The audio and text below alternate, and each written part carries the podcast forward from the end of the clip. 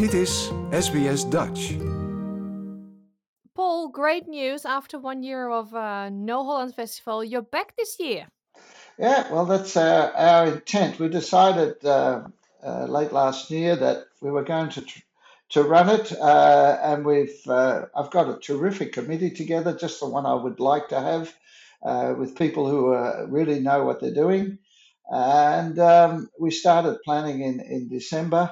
And at this stage, you know, we've updated the website. We've got Facebook up and running, and we've got lots of interest on Facebook. Uh, the, the community, the Dutch community, really seems to be ready for for something. Mhm. And um, so we're we're going along quite strongly right now. We've had people signing up, and um, yeah, what can I say? We we're ready to go. Uh, but uh, oh no, we're not ready to go. But we've still got uh, a bit over two two months and two weeks to before, and we feel that's plenty of time to organise what we're trying to do. Yeah, because I remember the last time it was 2020. It was like literally like two weeks, and then bang! I think the whole world closed down. Yeah, Um, we were lucky. it was a great success. Yeah, it was. It was, and uh, for for the public, it was a great success, and and for us too, because that was the third time we run it, and this was the first time it was smooth. Everything worked. We really felt like we were knew what we were doing, and we are on top of everything. And you know, we've got it all documented. We've got lots of documents in in our our files that we that makes it so much easier to run now, and we really feel like we know we're doing what we're doing. So even though uh, most of us organisers are a little bit in, in, into our 70s, we feel it's not an owner's job. Mhm. And uh, so um, we'd like to uh, think that we're going to do it again this year. Yeah, last year obviously it couldn't happen. I mean, Victoria, Melbourne, Yeah, you've been hit hard with many lockdowns. Um, yeah, I, I'm I'm very happy you're organizing this, but I'm also thinking, oh, how are you going to do it in these times? Well, let's face it, four weeks ago, nobody had even heard of Omicron. Now it's like devastating everything. Uh, and so my thoughts, my first thought is in four weeks' time, maybe it's all gone again. We don't know. So we've made a, a conscious decision to continue organizing everything until about the 8th or 10th of February. We're going on as though nothing is happening. And in that time, if it's just as bad or worse, we're going to have to say we can't do this because let's face it, but at that stage, we have to start spending money, and we spend thirty to forty thousand dollars to make this happen. Hmm. Uh, and uh, you know, so we can't risk that. We we we don't have the money. Uh, well, we actually do have the money because we've had sponsors, but that wouldn't be fair on the sponsors. I'd rather return the money to them. Yeah. So uh, that's our plan, and we'll we'll make a definitive decision then. We, we've we've put ticketing. We will put ticketing up on our website in the next week or so with a a 25% discount for early bird and a promise that we will refund in full every penny that we receive if people do buy buy tickets. Not, I don't expect we'll sell too many, uh, and we'll do something similar in February.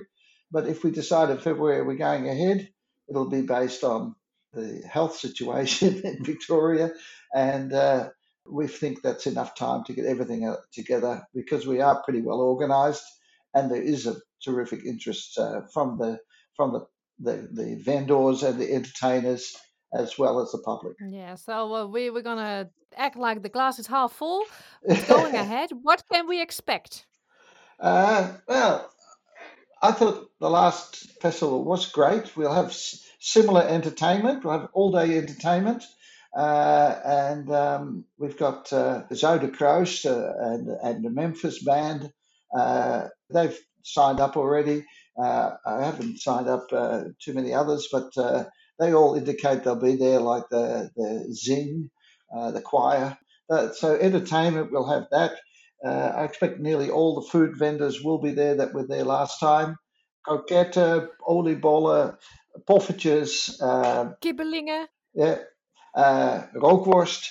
Um, we have a, a guy in Tasmania who's uh, uh, producing rookworst now, a, a really good quality one, and uh, he said he's probably we're hoping to get tastings from him. At the same time, we'll have a couple of of the vendors, one doing rookworst with stamppot and that, and one doing uh, uh, rookworst in a broodje. met zuurkool. uh, and um, stroopwafels. Stro- oh, absolutely, stroopwafels. Um, uh, Anna Marie from Sydney is coming all the way down to Melbourne again, and we also have a local. Uh, we have two stroopwafels makers. Uh, of course, coffee and ice cream. The uh, bistro is still planned. We'll have a bar. We're sure we'll have Heineken's there again. So much, much what we had last time. We'll probably reorganize it a bit, turn it around so it's not exactly the same because I think that's a little boring. So we may put the stage on the other side of the, the bistro. We'll have more, absolutely have more tables and chairs. That was one of the things that uh, uh, came out from it. Uh, the Karamas will be there again. And what we intend to do this time is probably charge children to come in, not not a great amount, but we'll make the ch- the Karamas free rather than having them come in and buy a wristbands. This way, everybody can have that, and and for, for, for older kids, we'll have things for them that will be free, uh, like uh, a sjoelbak uh, tournament and stuff like that. So fun things like that. Yes. Mm, something that got the people excited was the Yeah. de, de Febo-achtige automaten, hè? de kroketten uit de muur. Yeah. We will definitely have that if we run it. It's already here in Australia and ready to run. And uh, uh, there's a, a, a Philom, Philomene and Veal uh, uh, Janssen uh, have a, they actually run the bistro and have a Poffertjes van and they will have the, the, the automat there. I'm looking forward to trying. it. I think it'll be very popular. Yeah, I think so too. Just the Yeah. feeling, just throwing a coin in and then open that little door and get your snack. I hope they'll be able to keep up the demand. But uh, yeah, so uh, so we'll they'll be we'll be doing that for sure. And uh, Leka Leka uh, will be there, I'm sure, with his uh, his beautiful oliebollen. I always uh, uh, love the oliebollen. I missed them on New Year's Eve. I didn't have any. so you have to wait till the 19th of March. That's the actual date. That's the date. Yes. Yeah. Yeah. Tickets will be on sale soon. Yeah, texting. I hope to have on before the next weekend. Uh, I've got it all set up, and we'll have a we'll, we are, we're adding a, a family ticket. So so what we're doing is charging children ten dollars. It's uh, you know, uh, uh, but for that you know they it used to be um, that they would buy a wristband. Now that every every child gets a wristband. Well, they don't need a wristband because every child will have it. They can have all the rides for free. And I think when you think that most places charge five to ten dollars for a ride anyway, uh, they can ride all day long. Uh, and if you have more than two children in your family, all the other children will be free. So we, we want to encourage that, but that's all in the in the in the name of not handling cash, uh, which is one of the things I think is important again in this day and age.